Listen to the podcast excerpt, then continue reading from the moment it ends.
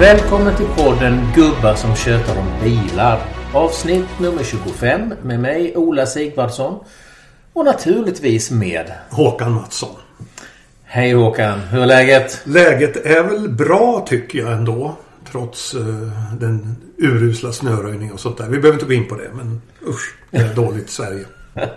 Känner du dig laddad inför säsong 2024 av Gubbar som tjötar? Ja, jag gör verkligen det. För jag tror att det här kommer att bli ett väldigt spännande år. Jag tror att det kommer att bli ett avgörande år för många. Vi kommer att se vart en hel del av den här elbilsmarknaden tar vägen. Mm. Olika märken och sådär och hur det går. Jag tror att det blir jättespännande. Ja, och vi lär ju inte ha någon brist på ämnen. Alltså bara idag så är ju en av de stora nyheterna i DN och i etermedia och så vidare att Trafikverket vill genomföra en gammal plan, nämligen att mäta genomsnittshastigheten mellan två fartkameror. De har redan börjat beställa de här kamerorna. Mm. Eh, men det lär ta ett år innan de är kalibrerade och funkar och sådär. Men vad tycker vi rent principiellt om det här att mäta eh, mellan två kameror? Alltså jag tycker principiellt att det är bra. Alltså har vi nu dessutom satt upp de här kamerorna och vi har, det finns en folklig acceptans för den här typen av fartmätning. Så ska man väl se till att stoppa den här så kallade kängurukörningen som en del ägnar sig åt. Att man saktar in när man vet var kamerorna sitter. Eller man får ett, en varning i sin navigation. Och sen står man på e- emellan och sen så saktar man in igen. Mm. Det där leder ju till en ökad eh, risk för skador. Men du gör aldrig så? Nej, jag, jag har ju liksom nu börjat... Jag kör ju på farthållare nästan hela tiden. Mm. När jag är ute på vanliga vägar sådär. Jag tycker det är så otroligt bekvämt. Så att, nej. Ja, jag får nog säga att eh, i, i, när jag var lite yngre med lite högre testosteronhalt då hände det nog att jag eh, kängurukörde. Men jag säger precis som du att idag sätter man in farthållaren och så rullar bilen på. Ja. Men det här, är, så är, är det inget integritetsproblem i detta? Ja men det finns ju ett juridiskt problem. Eh, man måste ju då säkerställa att det är samma förare. I, vid de här kamerorna. Mm. Och som har kört däremellan. Och det var ju då när, när de här fartkamerorna kom så var det en lång diskussion om man skulle ha ägaransvar ungefär som vid felparkering. Det vill säga att det är den som äger bilen som är ansvarig. Mm. Men alla jurister sa ju nej till detta. Jag kommer ihåg en gång på ett Tylösandsseminarium det var väl 400 personer. Eh, och den här frågan kom upp och så frågade de vilka är för, vilka är emot ägaransvar. Det var två stycken som räckte händerna. Det var två jurister. typ 398 tyckte att det var bra. Så att det där kommer ju vara en juridisk nöt om man vill komma åt det. Eh, ja, det kan bli en diskussion om det som, som faktiskt bromsar det här. Mm. Men i Norge har de ju haft det nu sedan 2009. Mm.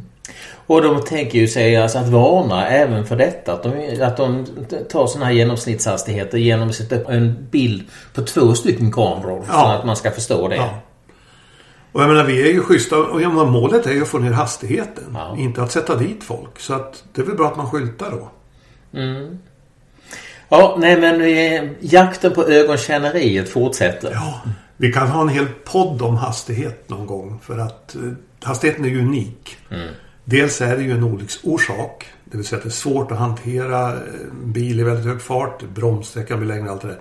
Men sen är det ju så, och det är ju ren fysik skadorna blir värre i högre fart. Mm. Det är ju ingen debatt om, det är som inget man kan debattera utan det är ju ren fysik. Mm.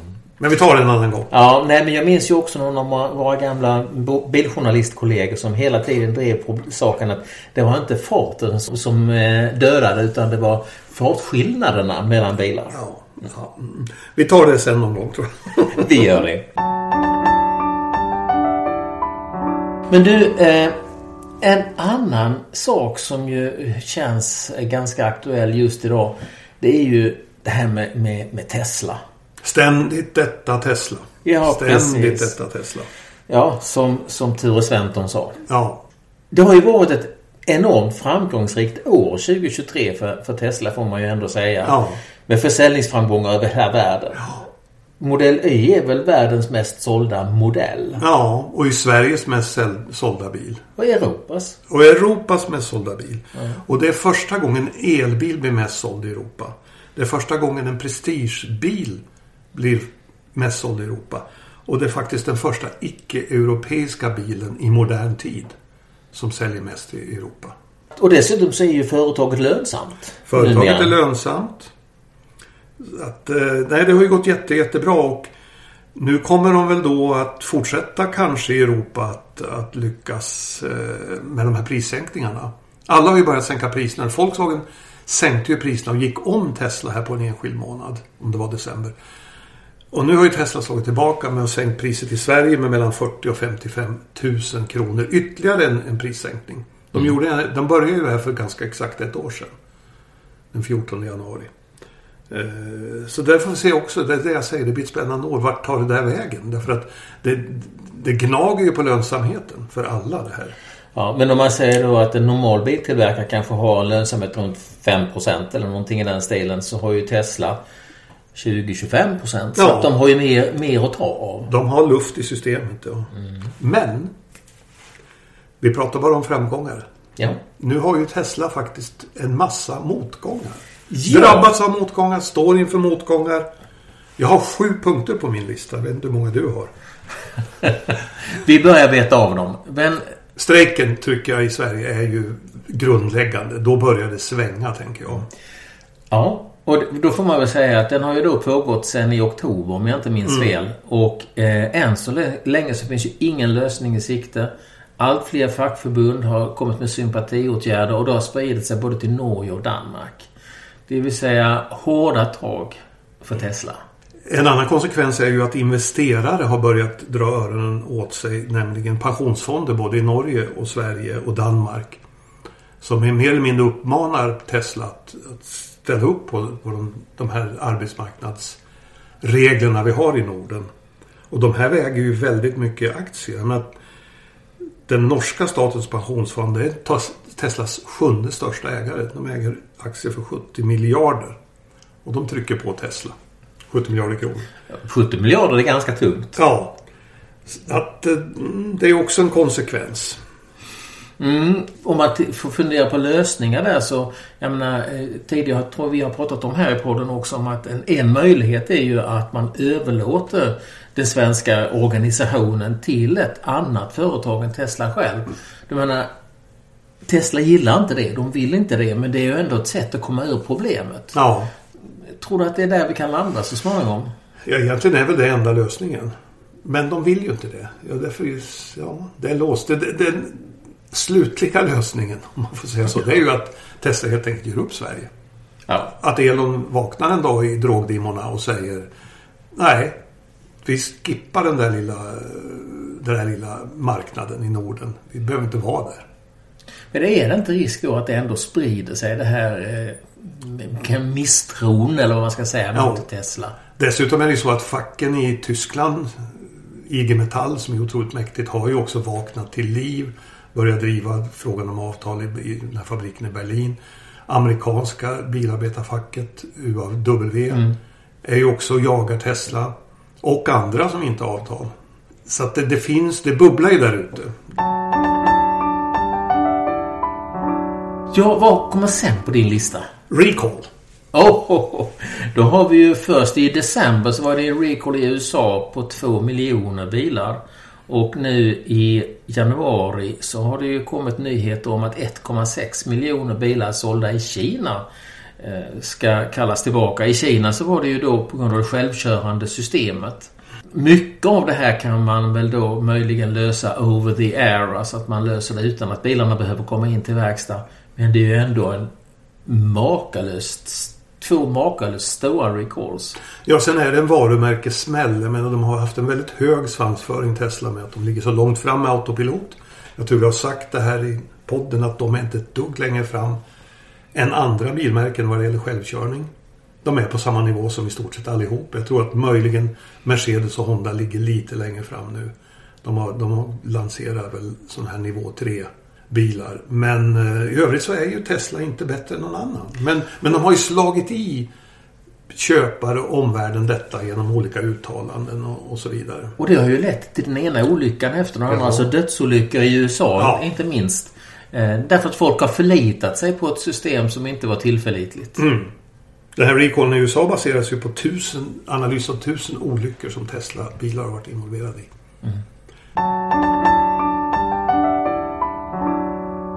Nästa. Nästa på listan. När, närbesläktat. Det är felen som mörkas. Ja, Jo, det är alltså något fel i Teslas bilar i, framvagnen. Om det är länkarm eller vad det är. Som har orsakat ett antal olyckor. vad händer då? Vad är det, vad, Ja, det är olika saker. I England var det en olycka där den nedre hjullänken lossnade från styrspindeln. Och den bilen var en dag gammal och var körd 17 mil. Och fel kan man ha, men vad Tesla har gjort i det här fallet är att de säger att det är bilägarnas fel. Den här bilägaren måste ha kört på någon trottoarkant eller någonting och skadat sin bil. Det är inte något fel på bilen. Och de har dessutom skickat ut det här till sina verkstäder och organisationer att gå inte med på att, att det är vårt fel utan det där är bilägarnas fel. Men nu har ju då Reuters bland annat börjat granska det där och fått läsa intern kommunikation. Det står väl ganska klart att det är Teslas bilar som har ett problem. Och nu har det då startat... alltså, är det ett konstruktionsfel? Ja, det verkar ju vara så att om det är klent material och sånt där. Vi får väl avvakta och se för nu startar det ju till och med offentliga alltså myndighetsutredningar om, om de här felen. Både Transportstyrelsen i Sverige och den norska statens vägväs, vä, vägväsen håller ju på med utredningar. Så att de kommer väl att komma fram till någonting så småningom. Inte så lyckat att, att bara förneka fel. Dessutom är det ju så här med, med Tesla att de har inte längre någon PR eller informationsavdelning. Någonstans. Okej. Utan de kommunicerar via X som ju händelsevis ägs av Elon Musk då. Eh, Så att det går inte att ställa frågor till dem om det här. Det försöker ju alla de här media då jaga dem, men nej. Men är det liksom en stark påtryckning att liksom en svensk myndighet eh, säger att Tesla är ur en aspekt och undermåligt när det samtidigt pågår en svensk strejk mot, mot företaget? Är det argument som kommer gå hem i, i USA? Ja, det tror jag därför att snarare den här norska statens vägväsen, de har på något sätt blivit kop- den utredningen kopplad till någon Europa, på Europanivå. Så där kan det, just den utredningen kan leda till en recall i hela Europa. Okej, men då, eh, då, då talar vi åtgärder.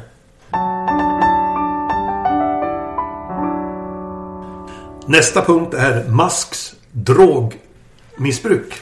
Ja, som ju har blivit vida känt. Alltså, en sak var ju då att han eh, rökte en, en, en joint i en podd för något år sedan. Med Joe Rogan, ja. Ja, med Joe Rogan dessutom. Ja. Men sen så har det ju då kommit rykten om att han använder diverse andra eh, droger. Ja, så är det lite intressant att det är affärstidningen Wall Street Journal som har dragit upp det här och påstår att han har tagit kokain, LSD, ecstasy och andra droger. Ja, Det har gått så långt så att till och med DNs ledarsida har kommenterat detta. Och det är ju ett problem naturligtvis för Teslas styrelse att han...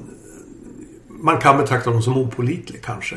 Fattar han beslut under drog... Han har ju fattat en del konstiga beslut och gjort en del konstiga uttalanden. Minst Minst, sagt. sagt. Genom åren.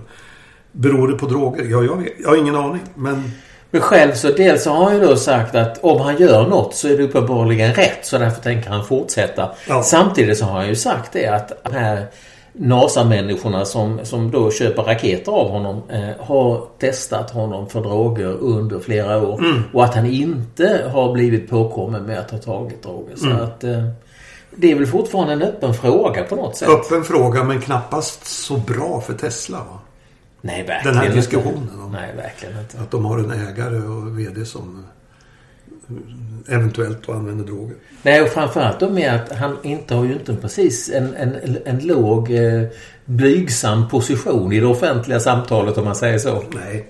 Nej, det där återigen kommer att kanske klarna under 2024. Iskalla bilar. Nästa punkt. Där hade vi ju ett fall med, som jag ändå tror att det är ju den enskilda bilen, men Sydsvenskans chefredaktör Jonas Kanje. På väg hem ifrån fjällsemester. Skulle köra i 13 timmar hade han räknat ut innan han skulle komma hem till, till Malmö. Men redan efter en halvtimme så slutade värmepaketet att fungera. Och så satt han där i 10 minusgrader och frös om fötterna. Ja, det var alltså 9 eller 10 minusgrader in i kupén. In i kupén, ja. Mm. Så efter sju timmar ställde de bilen i Mora och tog en, hyrde en fossilbil. Och den biluthyraren hävdade att han hade ett dussintal andra Tesla-ägare som gjort samma sak. De kunde inte heller köra. Men kan det verkligen stämma? Jag tycker det låter jättekonstigt. Då borde man ha hört det. Alltså, Tesla Model S var Sveriges mest sålda elbil 2015 tror jag framåt. Va? Den har ju sålt sig i sju år de här Tesla-bilarna. Och att man borde ha hört det mer, oftare genom åren, genom alla de här vintrarna. Även om det har varit milda vintrar. Precis när vi spelar in idag så kom det en nyhet från Chicago. Och då visade det sig att Teslas laddare funkar inte i kylan. Och det beror troligen på att griden, alltså själva elnätet i backen är för klent. Så när alla nu i Chicago vill ha värme i sina hus och värme överallt. Så räcker inte riktigt strömmen till. Men där har de då fått boxera bilar bort till andra laddare och sådär. Och de har stått i timmar en del. Inte så bra det heller. Nej, mycket drama runt Tesla.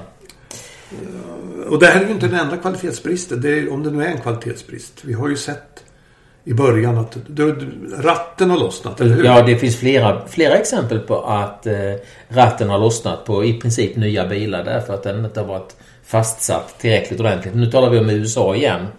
Eh, och det har ju också varit så att väldigt många bilar har haft alltså, kvalitetsproblem och fått åka till verkstad igen fast de har varit relativt nya. Ja. Och så har man fått fixa med dem.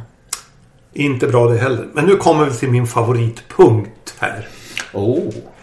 Tesla-papporna har jag kallat det.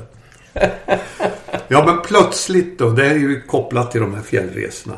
Så har det blivit fullt legitimt att håna Tesla-ägare. De som för inte så länge sedan, kanske bara några månader sedan, beskrevs som förebilder. De låg liksom längst fram i framtiden. Nu hånas de. Därför att de klagade. Och Anna Gullberg på Expressen. Hon skriver om pappa, eh, Tesla-pappornas vinterresor. Jag säger välkommen till Dalarna. Ta med en välfylld reservdunk, karburatorsprit, ficklampa, raggsockor och CD-skivor att spela när du hamnar off-grid. Kanske även en vevradio. Och kör en pålitlig diesel-Volvo. Jo, det är klart att, att Teslas, eh, Teslas varumärke tar stryk av den typen av skriverier. Inte minst det här med att man ska undvika att köra när, när, när det är kallt.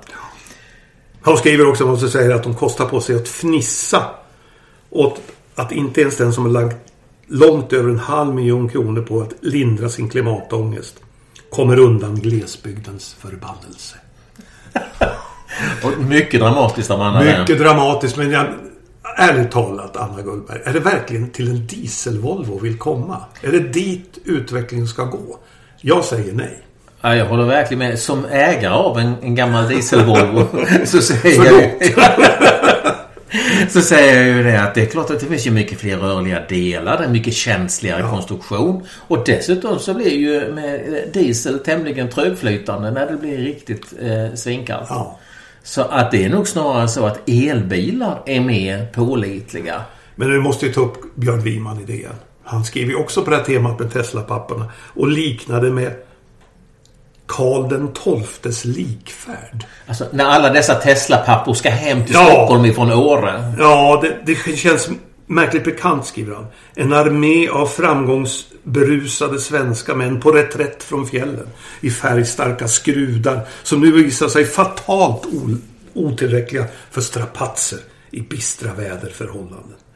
En hemfärd som slutar i katastrof när det blågula batteriet stupar. De kan skriva en del tycker jag.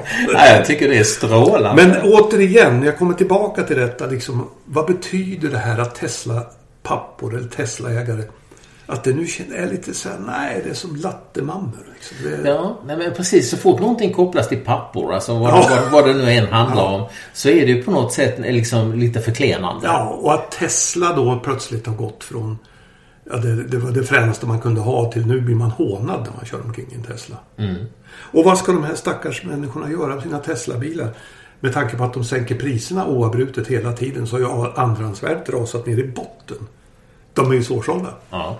Nej, men jag tror att det här kan vara början till en vändning för Tesla alltså ur varumärkessynpunkt. Alltså från att vara på toppen av panassen till att, att eh, plötsligt befinna sig bland alla andra bilmärken. Ja, men alla dessa brister och alla dessa punkter vi har räknat upp måste ju på något sätt samlat åtminstone skada varumärket Tesla. Att det är inte lika fränt som det var en gång i tiden. Nej. Du var inne på det där med elbilar i kylan. Alltså det, det är ju lite kul. Bara som du säger. En dieselbil är ju egentligen sämre. Det Ja. säger ju den här biltestaren som du intervjuade i alla media, Robert Granström. Som kör biltester där uppe i Arjeplog och Arvidsjaur. När han skulle köra till jobbet så tog han inte fruns dieselbil utan han tog en elbil så att han visste att han skulle komma fram. Och det har ju gjorts tester. Tesla-Björn, som han kallar sig själv. Tesla-Björn, han är motorjournalist i Norge. Björn Ny- Nyland. Han lät en Tesla Model S med 95 kilowatts eh, batteri stå på tomgång i minus 20 grader. Ungefär som du skulle fastna på E22. Mm, mm. 20 grader. Och det räckte då. Kupévärmen höll i 43 timmar. Då hade han klarat sig längs krauset på E E22. Ja, trots det trafikverk vi har. Ja. Men det, var, det tycker jag var liksom, det är fler sådana här vittnesmål om att det, det rasar inte så mycket som folk tror. Alltså batterikapaciteten, den klarar av att hålla igång den här bilen. Så är det ju. Men jag menar räckvidden försämras ju. Ja, den blir ju halverad. Ja, Eh, nästan. Ja, Åtminstone en tredjedel. ja. Mm. jag tror att det är mer. Alltså, ja, men den, den sjunker dramatiskt. Mm. Men att stå och puttra på, om du kan säga att en elbil puttrar på tomgång i ett antal timmar. Det är klart att den klarar det. det Ja, man fryser uppenbart. inte ihjäl i en elbil tycker jag Nej. slutsatsen är. Man fryser lika fort ihjäl i en dieselbil. Ja. bränslet tar väl också slut. Ja, och då har man skitat ner under tiden. Ja, Mm. så det kan vi avfärda. Ja, eh, kan vi på något sätt samla ihop det här nu, din lista på dina sju punkter och säga att Tesla ligger lite illa till? Eller vad ska vi, vad Ja, ska det är, vi ju- det, är sammanfatta ju, det? är ju väldigt liksom motsatt bild. De har försäljningsrekord överallt. Ja. De sänker priserna så att de kan sälja ännu mer. Men så har allt det här. Alltså det är ju faktisk försäljning. Men så har du alla de här punkterna som på något sätt är skadliga för varumärket. Mm. Och det finns ju nu konkurrenter också. Jag blev precis när jag åkte till dig nu av, omkörd av en Xpeng. Okej. Eh, En sedan som jag inte hann se. De har så mycket modellbeteckningar så att jag Mm. klarar inte det där. Men det är ju en konkurrent. Den ser ut som en Tesla. Liksom, Modell S lite sådär. Jag menar, alla de här kineserna som nu verkligen på Ja. allvar är på väg in på marknaden. Det är klart att det är konkurrenter. Så att jag tror att ja, det blir avgörande år 2024. Vart det här med Tesla tar vägen, tänker jag. Strejken och allting och de här bristerna och felen och callsen. Och, ja, spännande. Spännande. Du, eh, på tal om en annan konkurrent. Eller vad man nu ska säga. Ja, som är ännu mer spännande för oss svenskar. Ja, precis. Ständigt denna, detta Volvo. Ja, det var ju närmast episk första sida på Dagens Industri den 12 januari. Med jätterubriken Världens sämsta bilaktie. Det är vad jag kallar en snösmocka. Ja men det är ju... det- Så är det ju. Alltså de har ju rasat. Många har ju klarat sig, andra har minskat. Men Volvos aktie har ju rasat. Den var alltså nu när vi sitter och pratar så har den legat runt 27 kronor. Och teckningskursen var 53. Och den har toppat på... 88 och 74 har jag hittat. Och sen har den då rasat med 70-69 procent. Och hur lång tid har raset pågått? Ja, för två år, på två år. Ja, men det måste ju vara en ren katastrof. Alltså ur, Ja. ur, ur börsperspektiv för, för bolaget. Den minskar ju och minskar ju. Men det satte ju en extra fart i november i fjol när Li- Erik Lie sålde 100 miljoner aktier efter börsens stängning dessutom. Då var kursen runt 40 kronor och det har ju rest frågor att om man, varför säljer han på 40 kronors nivå? Är han finansiellt pressad? Men han borde kanske ha uthållighet och kunna vänta och se om det vänder upp till åtminstone till teckningskursen. Men han sålde då 100 miljoner aktier. Men det kan väl också handla om hans syn på Volvo egentligen. Det Ja, möj- möjligen ja, har förändrats.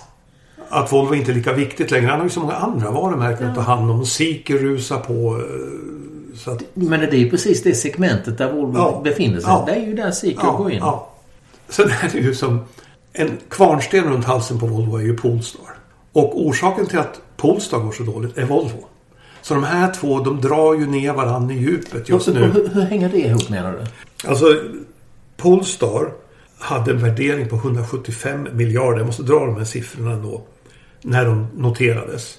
Midsommar 2022 så var värdet 275 miljarder kronor på Polestar. 275 miljarder. Och nu är det 40 miljarder.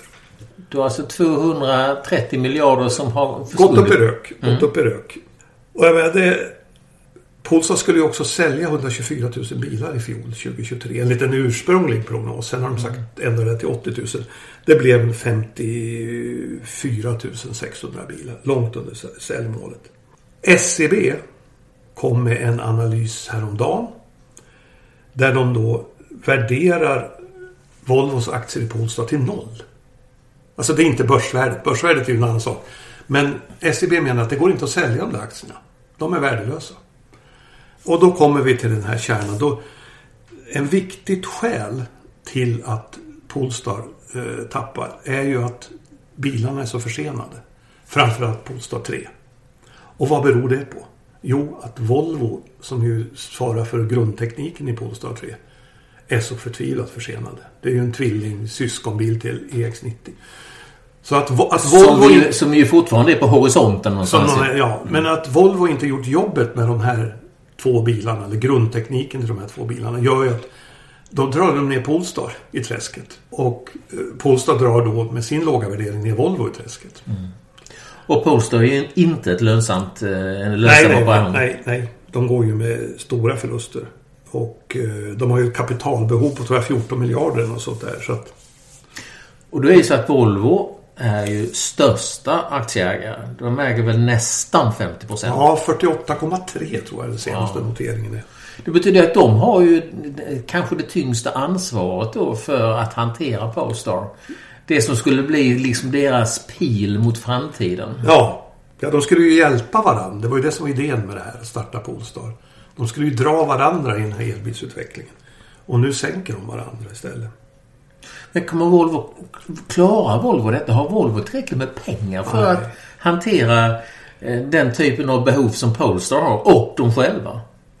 Volvo har ju också ett, eh, ett utsatt läge med väldigt negativt kassaflöde under året väntas och sådär. Så att det finns ju inte en massa pengar i Volvo som, att hjälpa dem. Och, och om vi då återvänder till Erik Lee. Om han är finansiellt pressad. Då har inte han heller några pengar att stoppa in i Polestar. För jag tror ju ändå, med allt detta sagt, att Polestar in, skulle kunna ha en framtid. Eh, de bilar som kommer nu är ju attraktiva. De har ju levt på två ganska, tycker jag, medioker, mediokra bilar. De ettan och tvåan. Som ju är gamla konceptbilar från Volvo. Men nu kommer ju den här trean som ju verkar vara väldigt fin bil. Även om jag tycker den kunde varit lite modigare designmässigt då. Fyran ser ju väldigt spännande ut. Ingen bakruta. Kan ju vara väldigt bra lönsamhet. Tillverkas i Kina. På den här plattformen som alla andra gör bilar på. Och så kommer ju de här femman och det. Men de måste ju överleva. Fram till när de här börjar bita på marknaden. Och Volvo, ja. Jag vet inte vad det är, om det är något att hålla i handen längre. Vad du säger lite grann det är ju det alltså att, att Volvos position urlakas. Alltså att, att det kan bli fara och färde för, för bolaget över tid. Alltså SCBs analys är att Volvos Volvo Cars kassa som låg på, vid årsskiftet på 25 miljarder. Vid kommande årsskifte kommer att ligga nere på 10. På grund av det negativa kassaflödet. Så att det krymper ju där också. Mm. Om de nu ändå börjar sälja lilla EX30 och får fart på eh, EX90.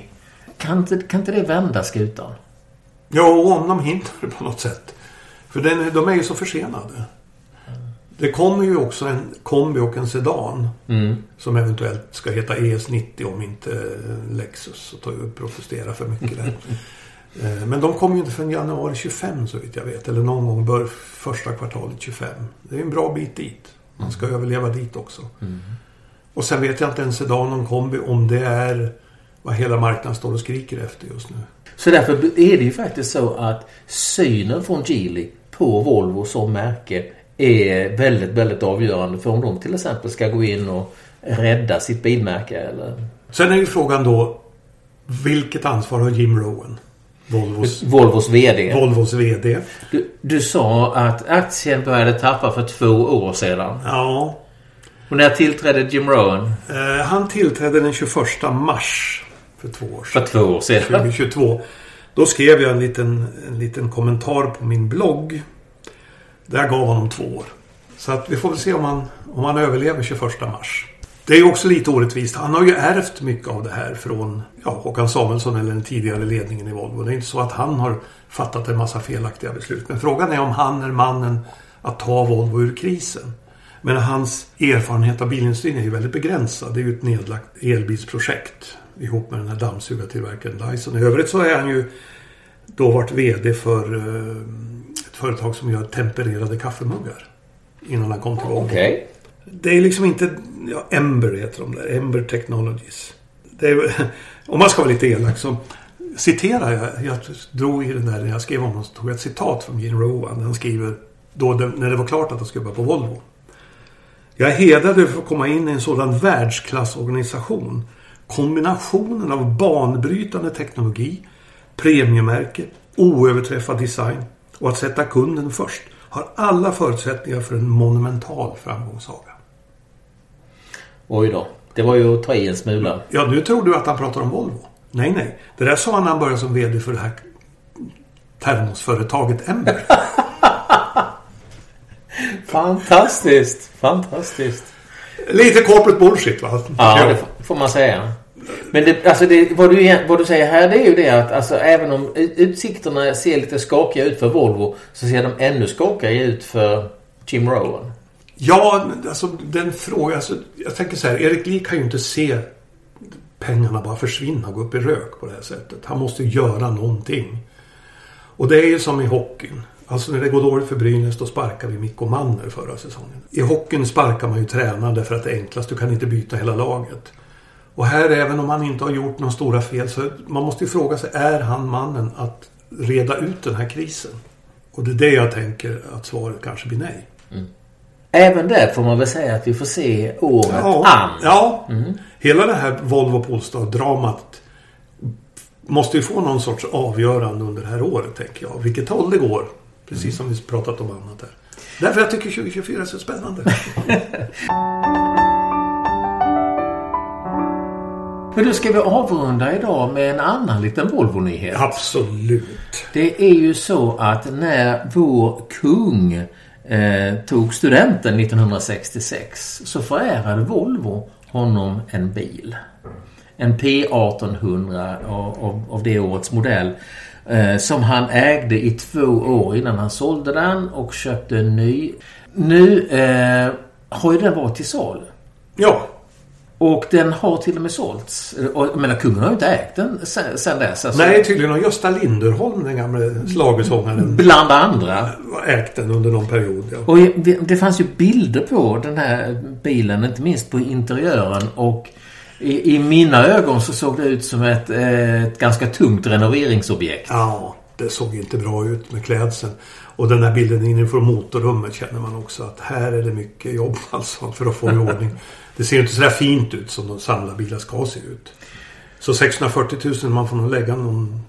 Ja, det var det som det kostade till sist nu, ja, nu ja, på, på, ja, på auktionen. Ja, 640 000. Det var i och för sig ett väntat pris vad jag förstod av de här eh, spekulationerna innan eller analyserna, bedömningarna, killgissningarna eller vad vi ska kalla det. Ja. Men det är då mer proveniens eh, än, än faktisk eh, bilkvalitet. Jag känner mig som en citatmaskin idag. Jag måste nästan be att få citera Peter Sundfeldt här, vår gamle kollega, motorjournalisten. Ja. Som nu jobbar med då bilaktioner på Bilweb Auctions. Som sålde den här bilen. Mm.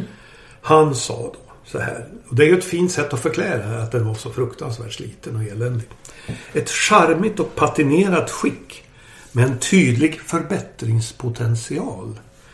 Men potentialen överskuggas lätt av en oemotståndligt tung proveniens oavsett om man har en royalistisk eller republikansk hållning till sin fordonsentusiastiska syn på livet. Var inte det också någon sorts bullshit på något sätt? Ja, väldigt mycket. Och det var ju, det var ju verkligen att klä in den här skraltiga bilen i någon sorts ordmassa. Förlåtande ordmassa. Ja, precis.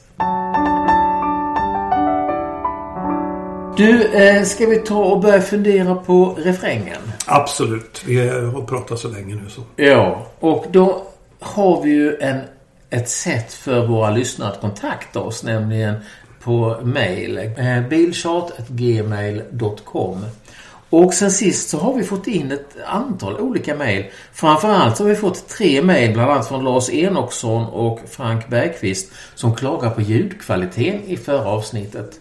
Och där kan jag bara böja mitt huvud i skam och säga att jag hade ställt in mikrofonen fel. Jag hoppas att redan detta avsnitt eh, går i rätt riktning. Men vi har också fått in andra synpunkter, till exempel på vårt resonemang om eh, hur starkt Geely egentligen bryr sig om Volvo och varför de lanserar Seeker till exempel som vi har fått ifrån eh, en av våra lyssnare som heter Johan Eriksson från Västerås. Vi tackar för dessa synpunkter och eh, välkomna fler. Skriv gärna till oss. Var inte snälla. Nej. De som klagar på, på ljudet var inte så snälla. Nej, det gjorde de rätt i faktiskt. Det gjorde de rätt i. Jag vet. Men med detta så säger vi väl tack och hej och ja, framförallt tack till dig Håkan. Ja, tack själv.